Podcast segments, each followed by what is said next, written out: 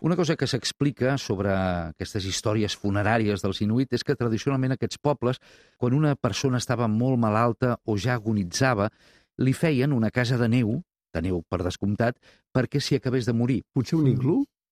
Potser un iglú, però no és, eh, pel que tinc entès, l'única construcció dels inuit, no? I en aquesta casa, prou precària, en principi per aquelles últimes hores o per aquells últims de vida d'aquella persona que agonitzava, doncs quan es produïa el fet, és a dir, quan s'acabava morint, és important que la traguessin per una obertura del darrere de la casa, no pas per davant, perquè això hauria portat mala sort als caçadors i, per tant, a tot el grup.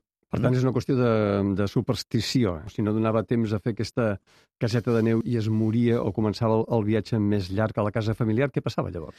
Doncs malament rai, perquè aleshores calia llançar tot el que hi havia dins de la casa familiar eh, una mica amb la idea que la mort ho podia contaminar tot. Sort que tenen arrels nòmades i una forma lleugera de passar per la vida Mm -hmm. i un cop la persona es moria, doncs què en feien? La vestien amb, amb roba com si hagués de sortir de viatge, eh?